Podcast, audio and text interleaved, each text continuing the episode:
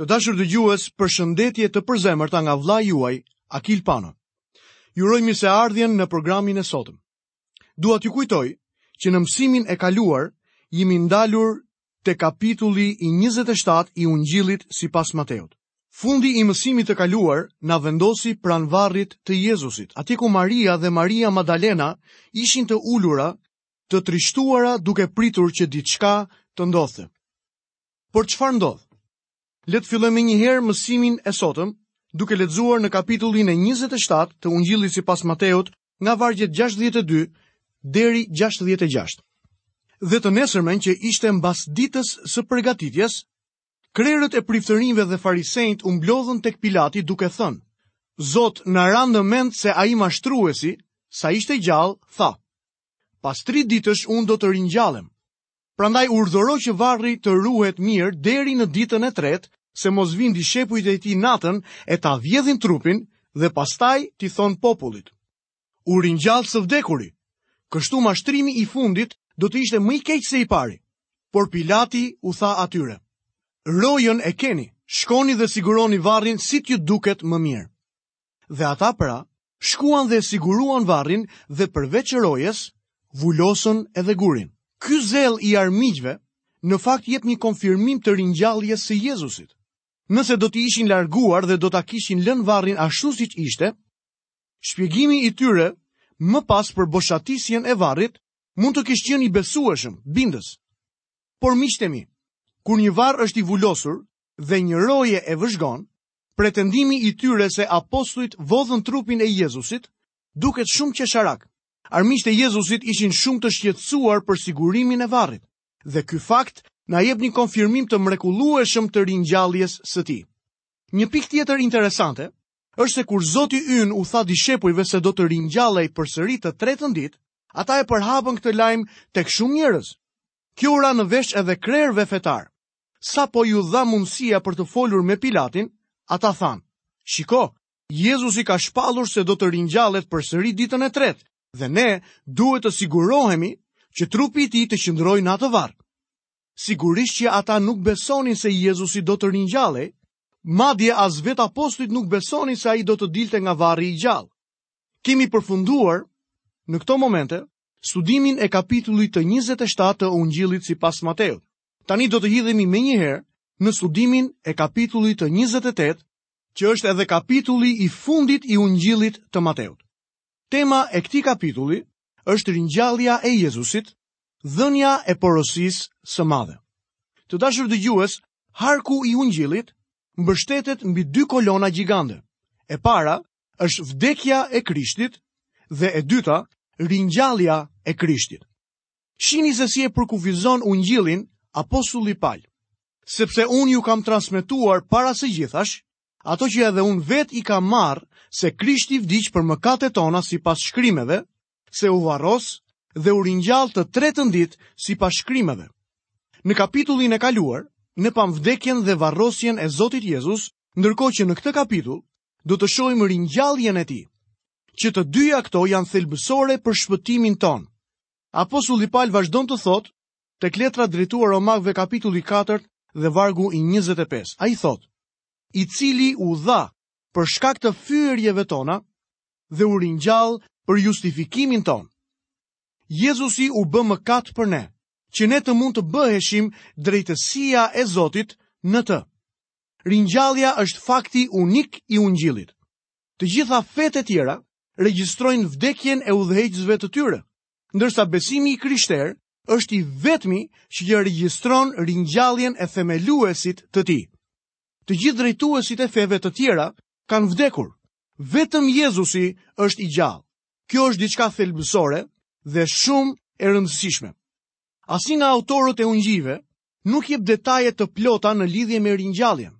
Secili nga ungjijtë regjistron këtë aspekt të ringjalljes, i cili ndihmon në plotësimin e qëllimit të frymës së Zotit. Për këtë arsye, të katër ungjijtë prezantojnë një pamje të përbërë. Asnjë nga autorët nuk kërkon të japë regjistrimin e plotë dhe komplet, por vetëm atë që i shërben qëllimit të tij. Të gjitha ngjarjet e ungjijve duhen bashkuar për të marrë pamjen totale të ringjalljes. dhe midis tyre nuk ka për t'u shfaqur asnjë konflikt ose kontradikt. Për sa i përket rregullit të ngjarjeve në lidhje me ringjalljen e Krishtit, do të doja të ndaja me ju një shënim të përsosur të gjetur në referencat e Biblës Scofield. Në faqen 1043. Rrjedha e ngjarjeve me kombinimin e katër rrëfimeve të dokumentuara tek të katërt ungjijtë është siç vijon. Tre gra, Maria Magdalena, Maria nëna e Jakobit dhe Salomea, duke sjellë me vete erëza, nisen për tek varri, të ndjekura edhe nga gra të tjera. Që të treja e gjejnë gurin e hedhur tutje dhe Maria Magdalena shkon tek dishepujt. Këtë histori e gjejmë të dokumentuar tek Luka, kapitulli 23, 24 dhe Gjoni kapitulli 20. Maria nëna e Jakobit dhe e Jozeut i afrohet varrit dhe shikon engjëllin e Zotit. Ajo kthehet për të takuar gratë e tjera që i ndiqnin ato me erëzat. Ndërkohë që Pjetri dhe Gjoni lajmërohen nga Maria Magdalena, mbërrijnë aty, shohin dhe largohen. Maria Magdalena kthehet duke qarë, shikon dy engjëj dhe më pas Jezusin, dhe siç e urdhëron ai, shkon për t'ua treguar dishepujve. Ndërkohë që Maria e ëma e Jakobit dhe Joseut kishte takuar gratë me erëzat dhe duke u kthyer shohin dy engjëj. Luka 24, 4 dhe 5 dhe Marku 16, vargu i 5. Ato gjithashtu marrin mesazhin engjëllor dhe ndërsa shkojnë të kërkojnë dishepujt, takohen me Jezusin. Histori e dokumentuar tek Mateu, kapitulli 28, vargjet 8 deri në 10. Në ditën e ringjalljes së tij, Zoti ynë iu shfaq sipas radhës këtyre njerëzve. Së pari, Marie Magdalenës. Së dyti, grave që ktheheshin nga varri me mesazhin engjëllor. Së treti, Pjetrit, ndoshta pasdite. Së katri, dy dishepujve në rrugën për Emaus. Së pesti, apostujve, përveç Thomait që nuk ishte prezent. Së gjashti, Tetë ditë më vonë, apostujve, ku ishte prezent edhe Thomai. Herën e shtatë, Jezusi u shfaqet shtatë prej dishepujve të tij pranë detit të Tiberiadës, e dokumentuar tek Gjoni kapitulli 21 nga vargu i parë deri tek vargu 23. Së teti, Jezusi u shfaqet në mal apostujve dhe 500 vëllezërve. Të dokumentuar tek letra e parë e drejtuar Korintasve, kapitulli 15, dhe vargu i gjashtë. Përsëri Jezusi i shfaqet në Jeruzalem dhe Betani, Jakobit, të njëmbëdhjetëve. Më pas ne shikojmë që Jezusi i shfaqet pas ringjalljes së tij, apostullit Pal në rrugën e tij për në Damask. Jezusi më poshtë shfaqet në tempull. Jezusi i shfaqet gjithashtu Stefanit jashtë Jeruzalemit. Dhe ne shikojmë gjithashtu tek libri i zbulesës Jezusi i shfaqet Gjonit, i cili ndodhej i internuar në ishullin e Patmosit. Mateu paraqet Jezusin si mbret. Ai jep hollësi të historisë së ringjalljes që përmbajnë elemente spektakolare dhe sensacionale. Ka një ushtim trumpetash në ungjillin e Mateut. Jezusi u lind mbret. Ai jetoi si mbret, vdiq si mbret dhe u ngrit nga vdekja mbret. Mateu tregon për tërmetin, për zbritjen e ëngjëjve, për gurin e lëvizur, për rojet e frikësuara dhe për përpjekjet e krerëve fetarë për të mbuluar faktin e varrit të boshatisur. Nëse krahasoni Ungjillin e Lukës me atë të Mateut, Lukën e karakterizon qetësia dhe toni i ulët. Gratë erdhën në heshtje herët në mëngjes dhe panë që guri kishte lëvizur. Zoti Jezus iu shfaqet dy dishepujve të panjohur në një rrugë të errët duke shkuar për në Emaus dhe më pas dishepujve në një dhomë të fshehtë të një shtëpie me një adresë të panjohur. Luka përmbledh historinë e tij njerëzore, ndërkohë që Mateu e paraqet atë në zyrën e tij mbretërore. Të dy ungjijtë janë të saktë, po aq sa janë edhe dy ungjijtë e tjerë, ai i Markut dhe i Gjonit. por ata janë paraqitur nga katër këndvështrime të ndryshme për t'i dhënë një pamje sa më të plotë historisë në tërësinë e saj. Le të shohim më poshtë ardhjen e dy Marive tek varri i Jezusit. Do të lexojmë në kapitullin e 28 të Ungjillit sipas Mateut, vargun e parë. Tani në fund të së shtunës, kur po zbardhte dita e parë e javës, Maria Madalena dhe Maria tjetër shkuan për të parë varrin. Në ungjillin tjetër na thuhet se ato sollën erëza të mira për të lyer trupin e Jezusit. Është e vështirë për të identifikuar Marinë tjetër. Rrëfimi konstaton se ajo ishte nëna e Jakobit dhe e Josesë. Lexojmë vargun e dytë. Dhe ja, ra një tërmet i madh, sepse një ëngjëll i Zotit zbriti nga qielli, erdhi dhe e rrokullisi gurin nga hyrja e varrit dhe u ul mbi të. Pse ishte e nevojshme të rrokullisej guri? Për të lënë Jezusin të dilte? Jo, ai kishte ikur ndërkohë kur u rrokullis guri. Varri nuk u hap për të lënë Jezusin që të dilte jashtë, por për të lejuar të tjerët që të hynin brenda. Lexojmë vargun e tretë.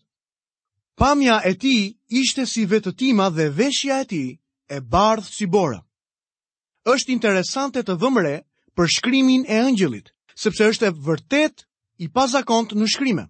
Nëse shikojmë dhe u referohemi shkrimeve, kur ato flasin për engjëjt, libri i Danielit kapitulli 10 dhe vargu 6 dhe libri i Zbulesës kapitulli 10 dhe vargu i parë, bëjnë përshkrime të tjera për pamjen e engjëjve.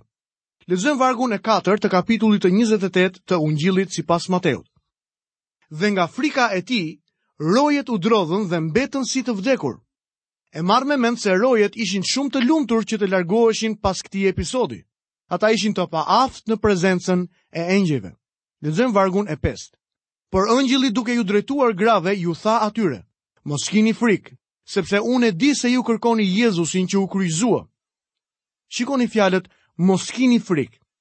Kur e mbinatyrshmja prek të natyrshmen, gjithmonë shoqërohet me një fjalë për të qetësuar frikën. Lexojmë vargun e gjashtë. Ai nuk është këtu sepse u ringjall, sikurse kishte thënë, ejani shikoni vendin ku qe vënë Zoti. Ky është lajmërimi hyjnor i ringjalljes. Jezusi u largua prej varrit përpara se të rrokullisej guri. Më vonë, ai do të hynte në një dhomë me një derë të mbyllur. Trupi i përlëvduar i Jezusit ishte krejt ndryshe nga trupi me të cilin ai u lind. Lexojmë vargun e shtatë. Shkoni shpejt t'u thoni dishepujve të tij se ai u ringjall së vdekuri dhe ja, po shkon përpara jush në Galile, atje do ta shihni, ja, jua thashë. Lajmërimi engjëllor u ndërpre në këtë pikë, që prej këtij momenti, Mesazhi do të thuhej nga buzë njerëzore.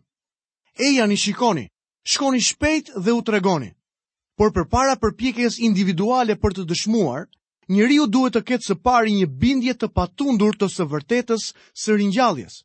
Ai duhet të ishte i bindur në mendjen e tij se Krishti vdiq dhe u varros për mëkatet e tij. Ejani shikoni vendin ku qe vënë Zoti.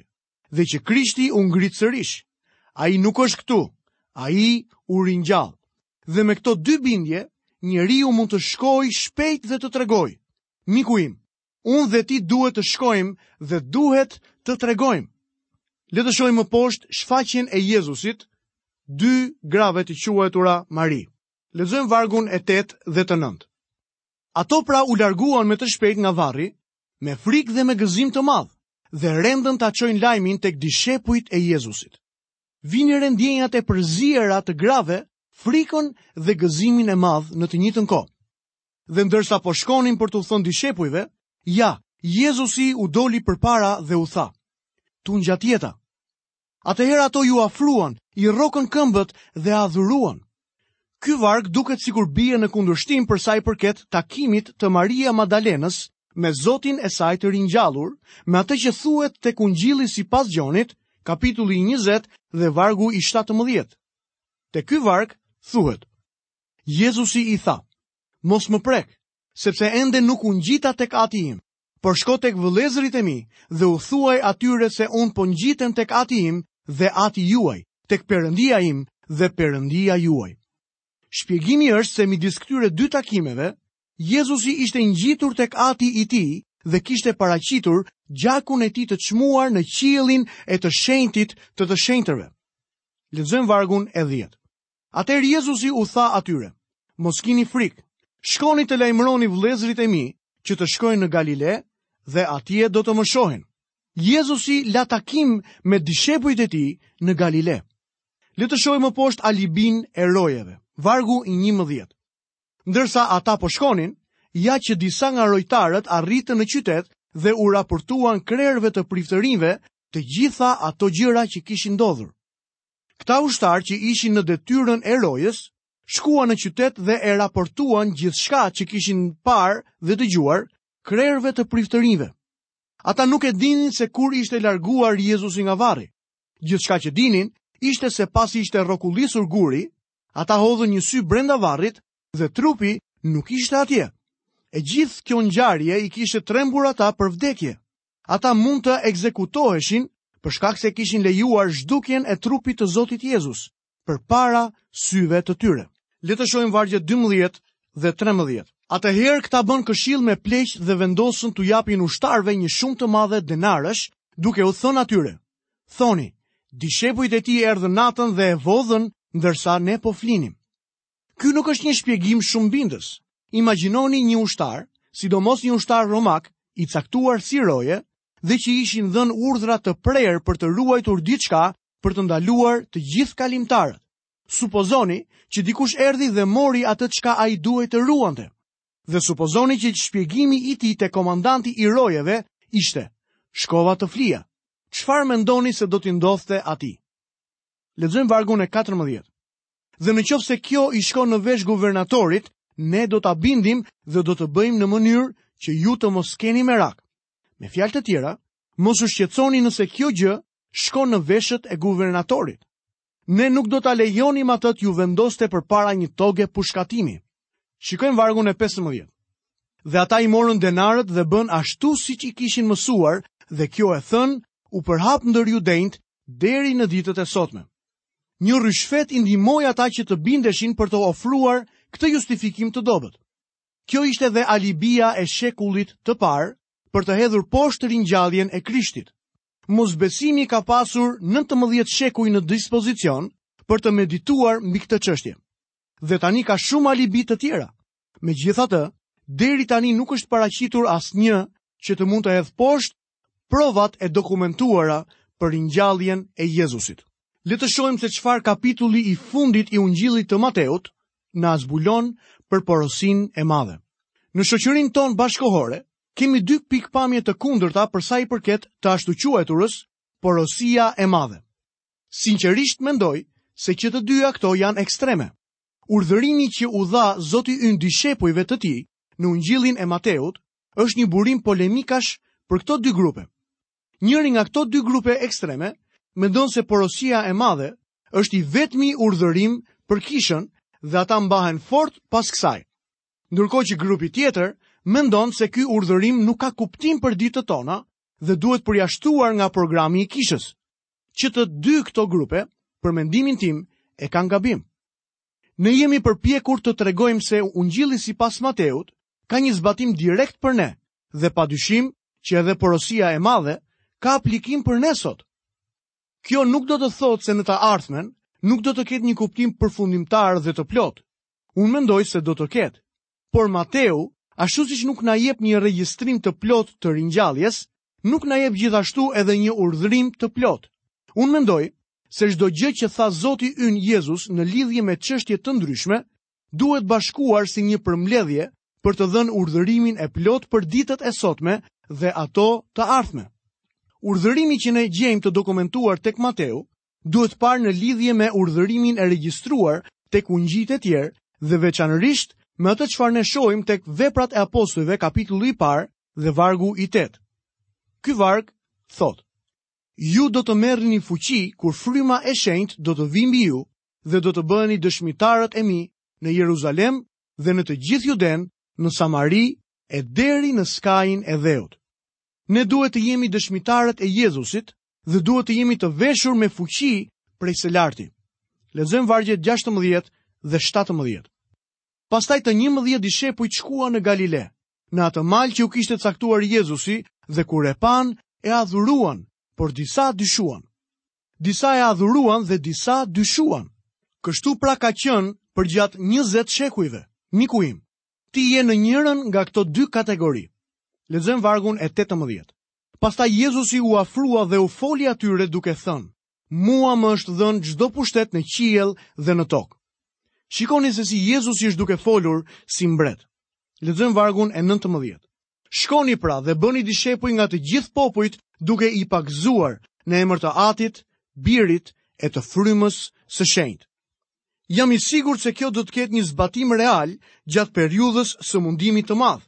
madje edhe gjatë mijëvjeçarit. Por, miku im, kjo gjen gjithashtu zbatim edhe për ne sot. Jezusi tha, duke i pagëzuar në emër të Atit, Birit e të Frymës së Shenjtë. Pagëzimi me ujë në emër të Trinitetit u praktikua nga Kisha që në fillimet e saj.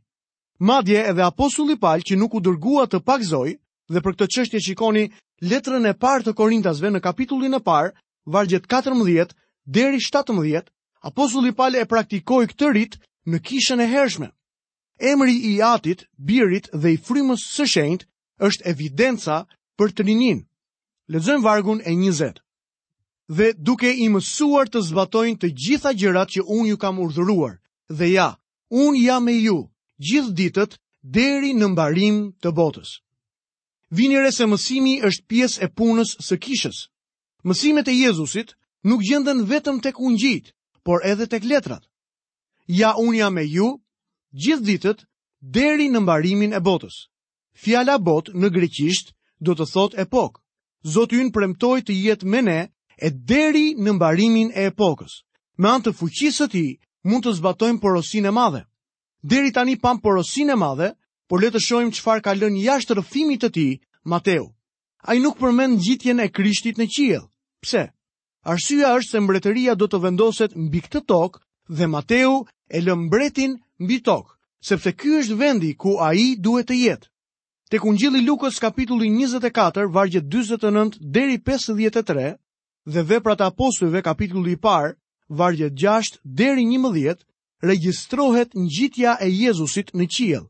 Në kohën e rrëmbimit të kishës, Zoti Jezus do t'i nxjerrë të vetët jashtë botës për të qenë me të, dhe ngjitja në qiell është thelbësore për këtë ngjarje. Gjithsesi, Mateu është ungjilli i mbretit. Jezusi u lind si mbret jetoi si mbret, vdiq si mbret dhe u ngrit sërish si mbret. Miqtë e mi, Jezusi do të vijë sërish mbi këtë tokë si Mbreti i mbretërve dhe Zoti i zotërve. Shpresoj se ju do t'i përuleni atij sot. Të dashur dëgjues, këtu nuk kemi mbërritur vetëm në fundin e programit të sotëm, por kemi mbërritur dhe në fundin e studimit tonë mbi gjithë librin e Ungjillit të Mateut. Nga vëllai juaj Akil Pano, keni të gjitha bekimet dhe paqen e Perëndisë në jetën tuaj. Bashkë mirudëgjofshim në emisionet e ardhshme, ku do të fillojmë seritë e reja të studimeve tona mbi librin e Eksodit.